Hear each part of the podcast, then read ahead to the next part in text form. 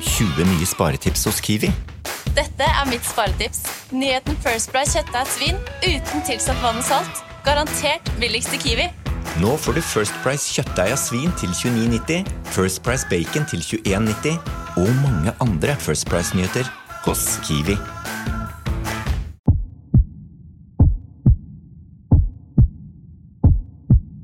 Otto og Anne tar pulsen på landet. Denne gangen skal det handle om politikk, eller rettere sagt om unge politikere som blir sugd inn i kjøttkverna til Arbeiderpartiet og spytta ut igjen noen år etter. Velkommen til deg, Marianne Martinsen. Du var jo en av dem. Den historien kan vi kanskje nyansere litt, men, eh, men uansett, tusen takk for at jeg fikk komme. Du var altså en av de yngste som var valgt inn på Stortinget. Du var 25 år gammel i 2005. Følte du at du hadde kontroll på situasjonen da? Nei, overhodet ikke. Eh, Jeg gikk jo inn i det bygget på ganske skjelvende ben, eh, og med en sånn der utrolig stygg, ganske kjerringaktig, hvis det er lov til å si, drakt. Som jeg hadde tatt på meg, fordi jeg tenkte at det var liksom pass, passende. Arbeiderpartikostyme, Arbeiderpartikostymer, liksom. Ja, i hvert fall stortingskostyme. Mm. som overhodet ikke egna seg som jeg, for en som var 25, da, som jeg tross alt var. Eh, og det er litt sånn et bilde på hele, hele greia, syns jeg. Eh, for jeg følte ganske lenge at jeg kledde meg ut istedenfor å kle på meg. Eh, og at jeg lekte at jeg var i en rolle, mer enn at jeg var det, ganske lenge. Hvor lenge da? Sikkert et par år, faktisk. Og det, det, det er underlig å tenke tilbake på det nå, fordi vi var jo en god del unge representanter som ble valgt inn den gangen. Arbeiderpartiet gjorde jo et godt valg ikke sant, i 2005 og havna i regjering. Så det var mange som sto på varaplass, som rykka inn for de eldre og mer erfarne som skulle bli statsråder og alt det der. Så vi var liksom en hel gjeng med ganske unge, unge mennesker.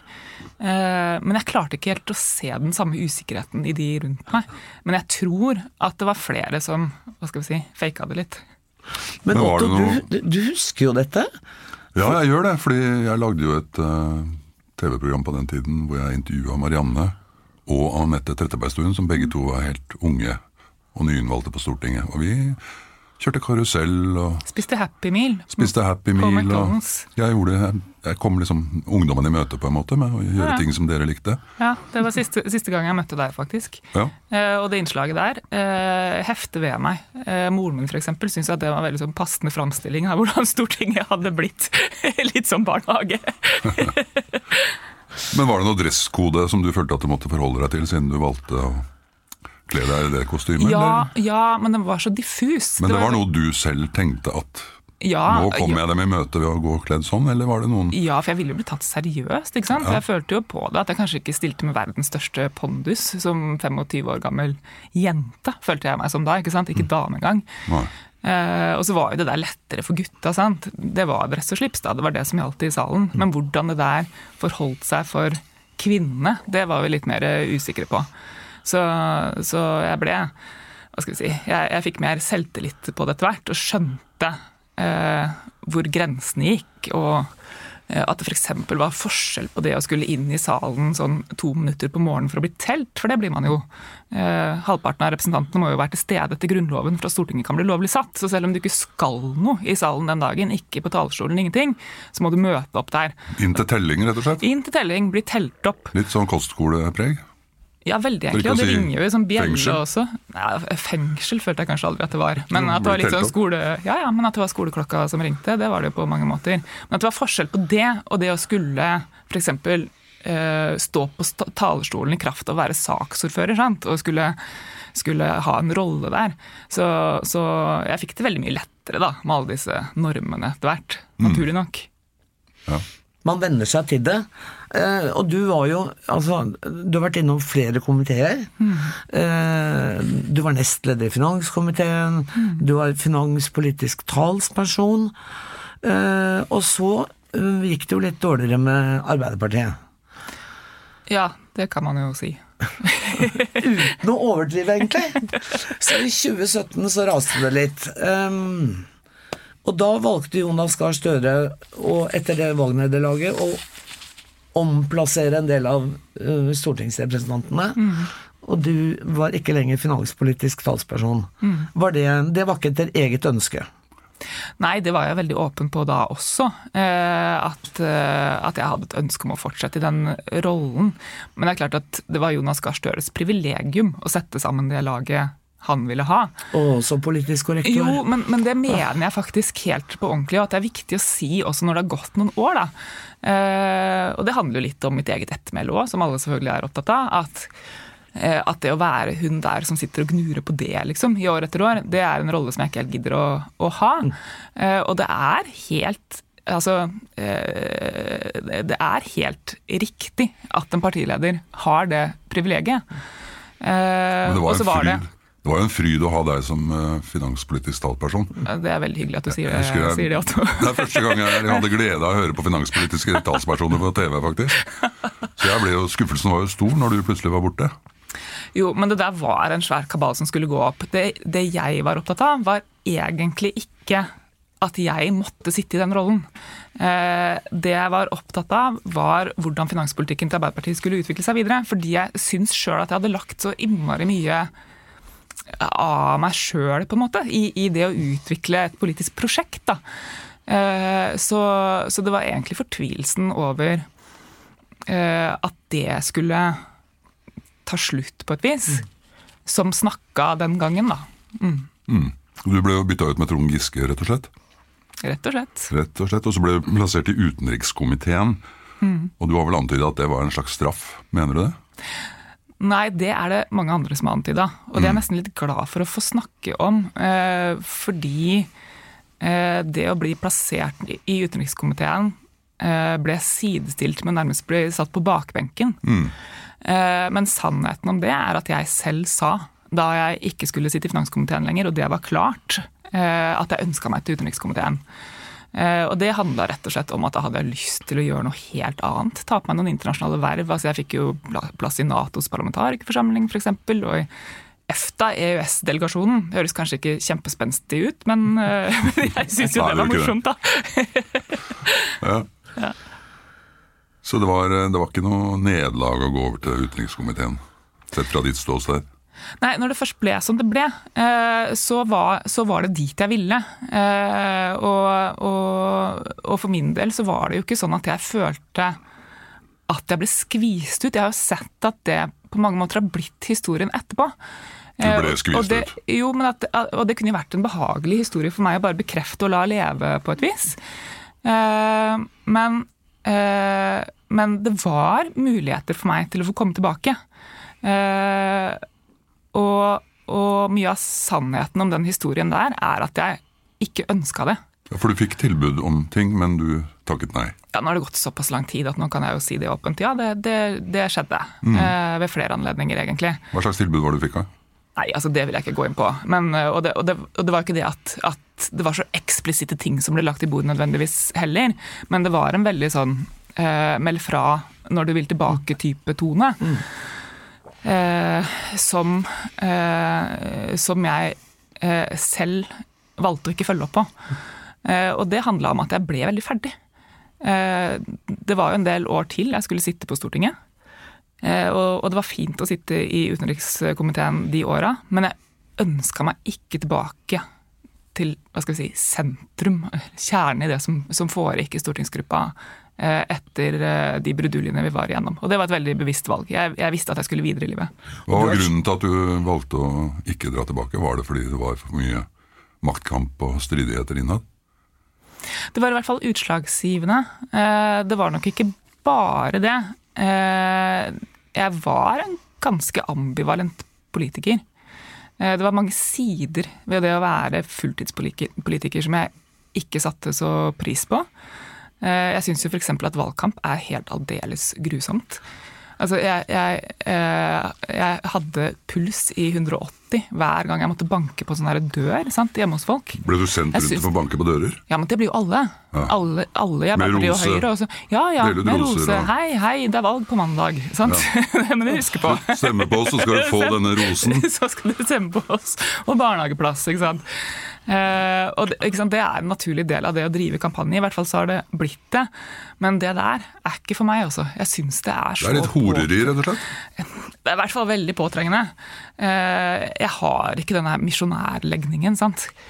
Eh, og, og øh, jeg vet ikke om jeg skal skylde på tidsånden, liksom. det blir veldig preten- preten- pretensiøst. Men partiene er jo i sånn kampanjemodus over lengre og lengre tidsperioder. Jeg opplevde at det der ble veldig dominerende etter hvert.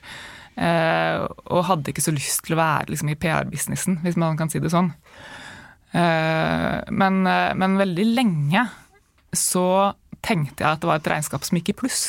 Eh, Fordi den muligheten til å være med og forme politikk, muligheten til innflytelse, ga meg så mye. da. Eh, Og så, når ting ble så vanskelig internt, eh, så forrykka det hele, hele balansen litt. Eh, Jeg tror man kan sammenligne det kanskje litt med å bli kasta av en hest i fart. eller noe sånt. Så lenge du sitter på den hesten, så holder du deg nå fast på en måte og prøver å, å, å manøvrere så godt det lar seg gjøre. Eh, Men idet jeg falt litt av, eh, så ga jo det også en mulighet til å stoppe litt opp og tenke, tenke meg om. Sant? Vil jeg egentlig opp på den hesten igjen? Og det fant jeg ut at jeg ikke ville. Da måtte du løpe jævla fort for å ta en hest i sånn fall.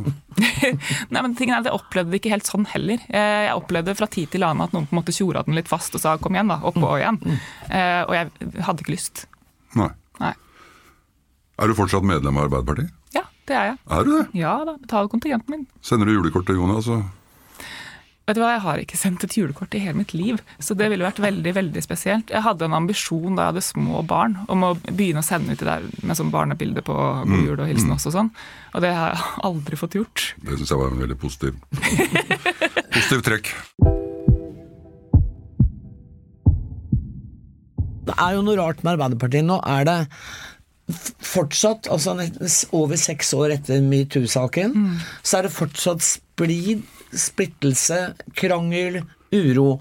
Og vi har en regjering som har hatt et rekordmange statsråder som må gå av.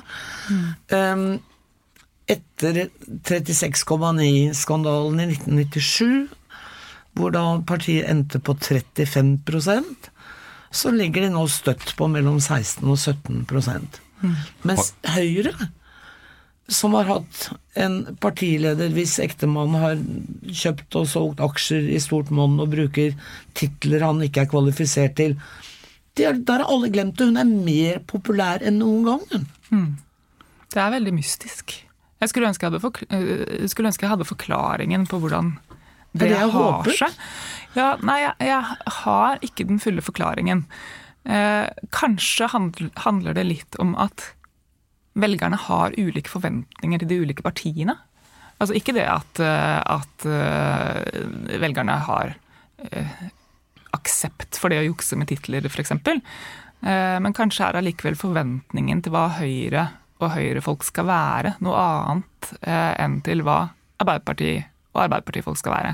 Jeg tror f.eks. at type sånn fyllekjøringsskandaler og sånn ville truffet Arbeiderpartiet mye hardere enn Fremskrittspartiet. Altså det er bare Der er det ganske vanlig, egentlig. Eh, Ja, det har jo vist seg at det i hvert fall ikke er helt uvanlig. Nei. Men du har ikke noe kvi- eh, quick fix for å redde det gamle partiet ditt? Eh, nei, det har jeg ikke. Eh, og hadde jeg hatt det, så skulle jeg ringt dem og fortalt det. Jeg tror ingen sitter på den, eh, på den enkle løsningen. Man kan jo også si det sånn at du kom deg av den hesten mens før den stupte og døde. Eller var i ferd med å dø, i hvert fall. Ta tanken har jo streifa meg. Den, den har det. Så Akkurat som de som jeg solgte seg ut før firmaet gikk konkurs, liksom. Det, Ja, artig sammenligning. Men, men, men eh, jeg er jo medlem av partiet. Eh, Jeg er jo overbevist sosialdemokrat. Det, det er jo ingenting som har skjedd med min politiske overbevisning. Og jeg er jo fortsatt et samfunnsengasjert menneske, selv om jeg ikke er aktiv i partiet lenger. Eh, Så, så jeg har jo et håp om at de skal klare å reise seg på et eller annet vis.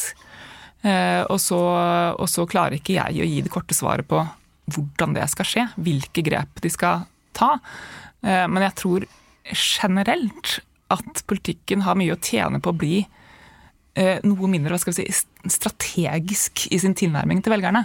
Det var noe av det som begynte å frustrere meg veldig eh, de siste årene jeg satt på Stortinget. At det oppsto et slags sånn skille mellom det man så på som strategisk riktig å gjøre ut fra en sånn kampanjetanke, at du skal treffe velgerne riktig der hvor de er akkurat nå, eh, og det å gjøre det man tenker er rett. Og jeg tror ikke at man står seg på over tid å ha, operere med et sånt skille. Men eh, de har jo rydda blant ministerne hele veien. ikke sant? Det har kommet og gått og alt. Men de har ikke rydda helt på toppen. Er det noe som hadde hjulpet partiet, tror du? Å bytte leder, tenker du? Ja. Jeg tror ikke det nå. Jeg tror, altså jeg tror ikke løsningen er så enkel uh, som det. Uh, og jeg ser heller ikke helt hvordan uh, en enkelt personlighet med sin liksom voldsomme karisma skulle komme inn og gjøre en veldig stor forskjell her. Jeg tror faktisk at det handler om eh, å formidle politikk. Å være mindre opptatt av strategi, og mer opptatt av hva som er det riktige å gjøre. Ja, det er jo litt min kjepphest, da. Ja. Og veldig befriende at du sa det så tydelig, syns jeg. Men, men og vi snakket jo litt om på forhånd, du og jeg, med det der med å gå fra politikken og så inn i det private næringsliv. ja! For det Ja, for er jo litt spesielt. Du gikk jo fra Arbeiderpartiet til Finans Norge i NHO. og Det er jo litt som å gå fra MDG til Fremskrittspartiet, egentlig. I hvert fall i mine øyne. en veldig artig sammenligning. Jeg Tror du finner veldig få Frp-ere i Finans Norge, faktisk. Mye sånn klassiske høyrefolk, kanskje. Men det, men det var jo altså det var et steg å ta. eh, Og jeg brukte litt tid på å bestemme meg for å gjøre det. Jeg måtte gå noen runder med meg selv, og hva står, hva står det for egentlig, og sånn. For du har jo gått fra de som ville skatte næringslivet hardere, til de som sutrer over at næringslivet blir så hardt skatta. Ja, det er en del av historien. Eh, Men, men jeg har jo også som finanspolitiker vært opptatt av å legge til rette for det private eierskapet. Mange har sett meg i debatter om formuesskatt, hvor jeg hardt forsvarer formuesskatten. Men jeg var jo også den som mens jeg satt som finanspolitisk talsperson, tok til orde for å gjeninnføre aksjerabatten, som vi jo gjorde for å fremme privat eierskap. Eh, Jeg eh, kjempa for å øke utbytteskatten. Så du beskatter hardere når bedriftseierne tar pengene ut av bedriften. Men jeg argumenterte for å senke satsen på selskapsskatten for at det skal være mer gunstig, eh, lukrativt å investere i norske bedrifter, så man kan tiltrekke kapital inn i bedriftene. Sånn at dette har jeg egentlig alltid hatt et ganske nyansert syn på. Og jeg mener at eh, den private kapitalen er avgjørende viktig for verdiskaping i Norge. Nå blir jeg litt politiker i måten jeg snakker på, eh, men, eh, men eh, det er flott med statlige virkemidler, med Innovasjon Norge og alt det der.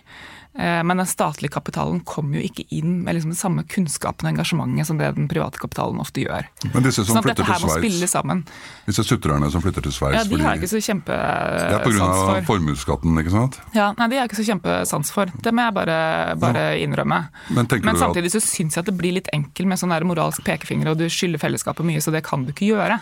Eh, vi, vi er jo nødt til å ha rammevilkår som gjør at det å investere i norske bedrifter og være bosatt i Norge faktisk er lukrativt. Og det, det har jeg alltid ment. Men dette er jo blant de rikeste folka i Norge som har stukket av til Sveits. Og Mm. Ja, jeg så et regnestykke De tjente ikke så mye på det. Nei, Altså, hvis det er jo relativt det sånn. Jo, jo, men de har jo jævla mye penger, og så sparer de noen mill. på å flytte ut. Det er kanskje Liksom. så de er blitt rike, da. At de har en litt annen mentalitet enn deg og meg, Otto. Jo, men er det ikke litt lugent? Ja, jeg liker det ikke. Bjørn Dæhlie flytter til Vestlandet Jeg for å kjøpe seg et råttent jeg, jeg, jeg henfaller veldig fort til den tanken om at dere skylder oss noen ting. Oss som har lagt til rette, oss som har bygd samfunnet hvor det er mulig å bli rik. eh, Oss som har investert i et utdanningssystem som har gjort at, eh, at det finnes høykompetent arbeidskraft her som bedriftene kan nyte godt av. Men det bare nytter ikke med en sånn moralistisk inngang til det. Eh, og, jeg hadde samme, samme tilnærming den gangen jeg jobba mye med skatteparadiser. ikke sant? Og, og alle disse bedriftene som tilpasser seg ut av det å betale skatt. Du får sånn Panama Papers og, og den type ting. eh, Store avsløringer. Og alle politikere står og vifter sånn fy fy, og dette er ikke greit. Men vi må jo faktisk ha et regelverk, da som, som stopper det. Altså, jeg har veldig lite tro på, på politikk gjennom pekefinger. Det er sant. Pekefinger i det hele tatt er oppskrytt. Ja. Gulrot er bedre. Men du, altså, i den andre enden av på en måte ditt, in, ditt interessefelt, altså du er samfunnsøkonom, jeg snakker med folk som kjenner deg, som sier du er kjempesmart, du er veldig god på å finne politiske løsninger på vanskelige økonomiske problemer. I den andre enden sitter du og skriver romaner. ja, og det er veldig deilig. Det, føl ja, det føles som litt sånn eh, at jeg er litt sånn utro på kveldstid. Bru- Bruke meg selv på en helt annen måte da. Det er jo, det er jo eh, rett og slett veldig befriende å bare starte med et blankt ark, og så kunne skrive helt fritt. Gjøre akkurat hva jeg vil. Da kan du ta hevn også gjennom fiktive romanpersoner som ligner veldig på levende personer, eller? Otto, da er du stygg. Hva er det du antyder nå? Nei, jeg bare tenker at det hadde jeg gjort. Hadde du det? Hvis noen hadde irritert meg til de grader, så, og jeg skulle skrive en roman, så er det klart de hadde fått være med. Ja, Og nødvendigvis ikke et flatterende lys. Ja, ja. Nei, det er jo en fristende tanke, sikkert. Men jeg tror jeg med hånda på hjertet kan si at jeg ikke har gjort det, altså. Nei.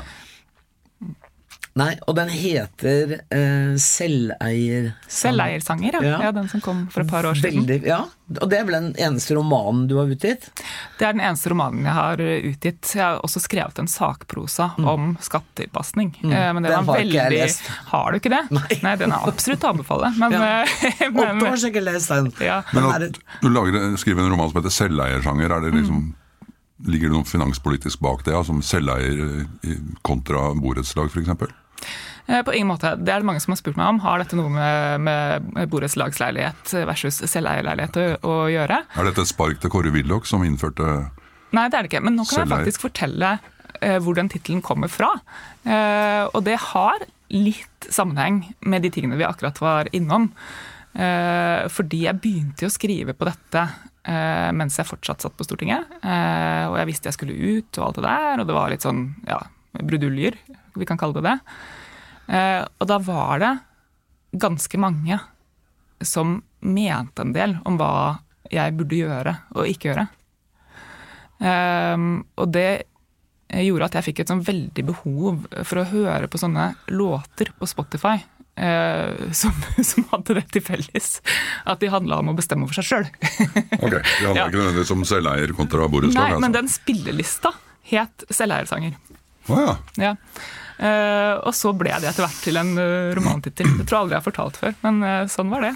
Ja, det er Det er veldig gøy. Deilig å høre. Og det er en, eh, ja. og Marta Norheim sa jo i NRK etter den debuten din at dette var en så lovende debut at hun ventet på fortsettelsen, og fortsatt venter vi. Ja, men den kommer.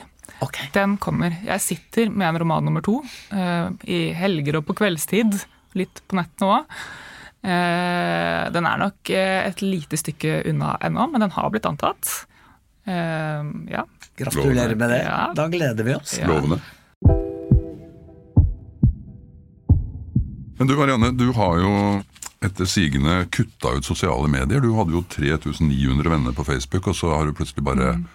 Dratt ned klaffen og trukket deg tilbake. Hva er grunnen Yes. til det? Ja, Det var en veldig sånn spontan greie eh, som skjedde i romjula eh, for et drøyt år siden. Eh, og eh, handla om at jeg bare fikk nok.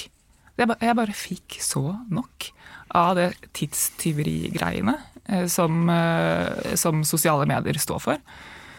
Eh, og så satt litt Altså, jeg, jeg kjente litt på, på pulsen, på en måte, da, da jeg trykka på slett på Facebook-kontoen min. For det er jo noe med hva du signaliserer til folk. da. Altså Jeg ble for det første litt sånn bekymra for om folk kom til å tro at jeg hadde blokkert bare dem. Når jeg forsvant fra sosiale medier. Det er ikke noe hyggelig. Det er naturlig å tro. Eh, og så er det jo det der med, med liksom informasjonsstrømmen. Eh, det å bli invitert til arrangementer. Eh, se hva folk skriver om, hva folk leser nå og sånn. Eh, som har blitt så naturlig for oss.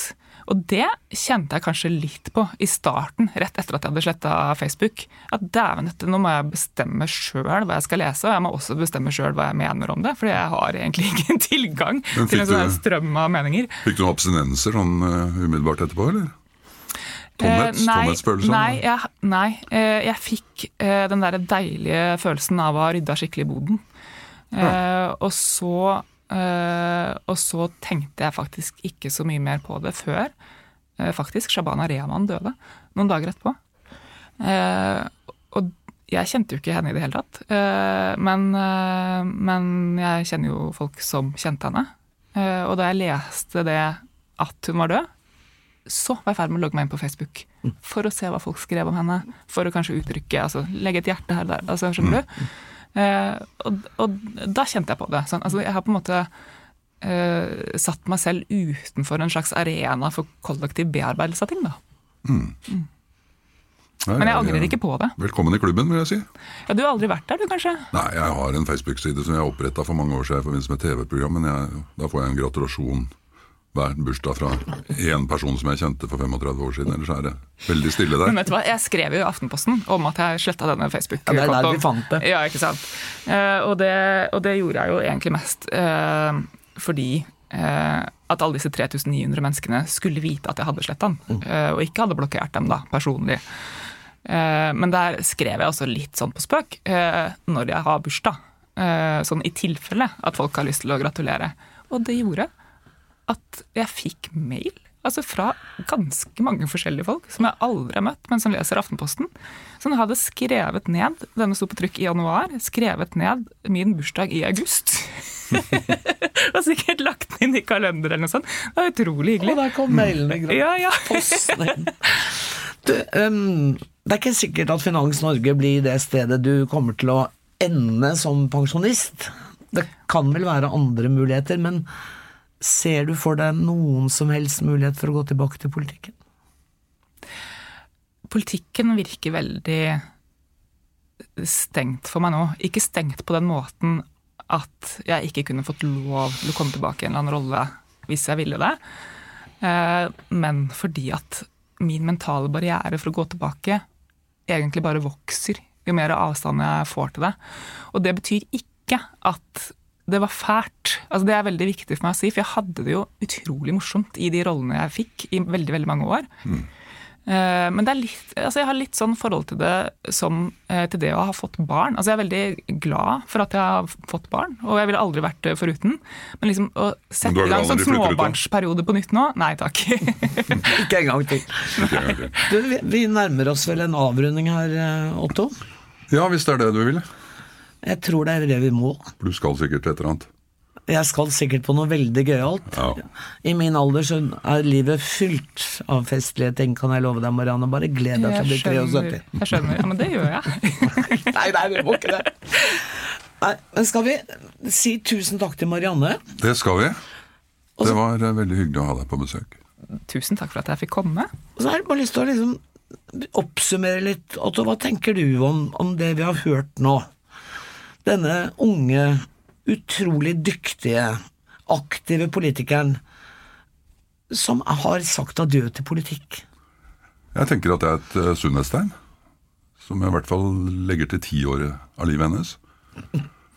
Og så tenker jeg at eh, du har jo talenter som gjør at du kan bidra på andre måter. Du skriver gode kronikker i avisene, som sikkert også har påvirkningskraft. Så det er ikke noen grunn til å henge med huet. Det er bare å gi gass. Jeg henger ikke med huet. På ingen måte. Det ser ikke sånn ut heller. Takk for at du kom. Takk skal dere ha.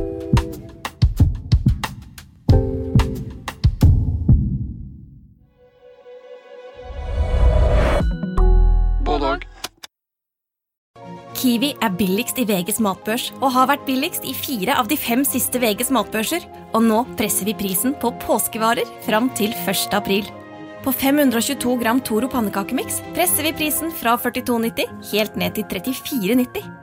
På 410 gram Lerum bringebærsyltetøy presser vi prisen fra 32,90 helt ned til 22,90. For det er vi som er prispresserne. Og vi i Kiwi gir oss aldri på pris.